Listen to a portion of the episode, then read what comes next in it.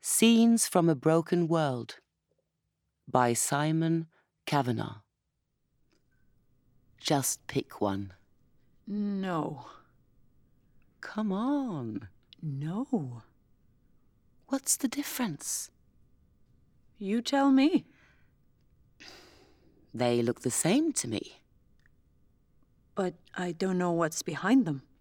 So, what difference does it make? You can't go through life fearing the unknown. Just choose. Let me go. You are free to leave any time you wish. How? Through the doors. Which one? Which one? Look, where am I?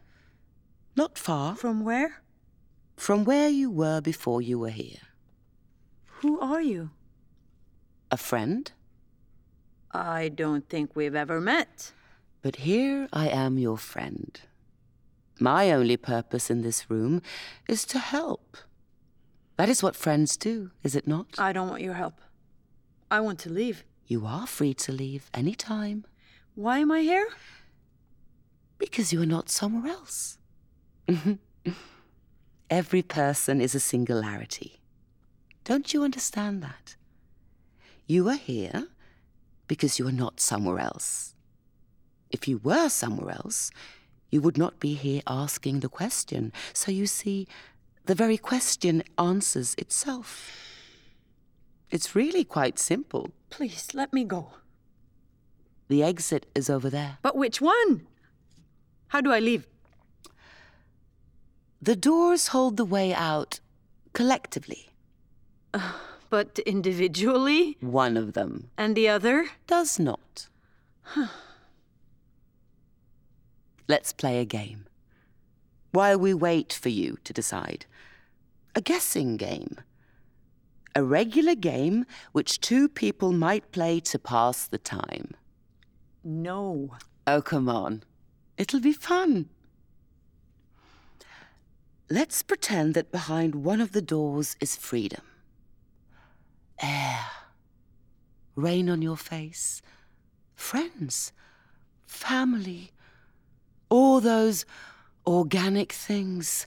The rest of your life unrolled in front of you like a red carpet to skip along. Mm, it's beautiful. It smells of caramel, fresh linen, and recently cut grass.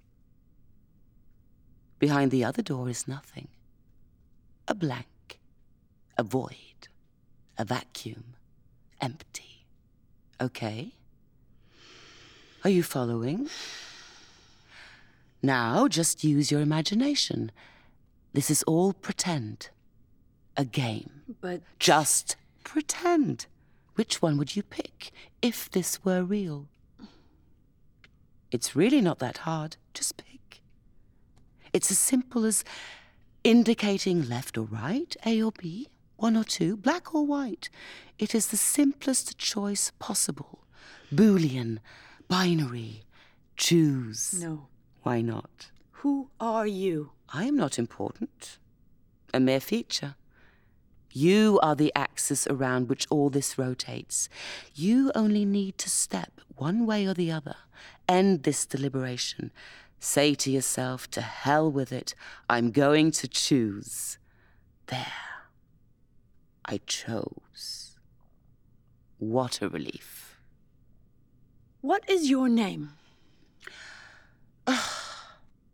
You can think of me as a minor cog inside a small component belonging to a large complicated machine, one of many machines we have nowadays here and there. What do these machines do? Oh, lots. It would be quite impossible to achieve anything without them. Quite impossible. The machines are our friends. They help us, and we help them. We help them to help us. What does your machine do? Mostly admin, Of what? metrics, KPIs, backlogs. We're really very focused on efficiency. Really? Efficiency of what? Why, things which are inefficient, of course. Who guides these machines? They are self guiding. Who's in charge then? They are autonomous. But they must have some directive, some motive. Improvement, efficiency, betterment. And who set the directive? I couldn't say. I can't say. I don't know. Which?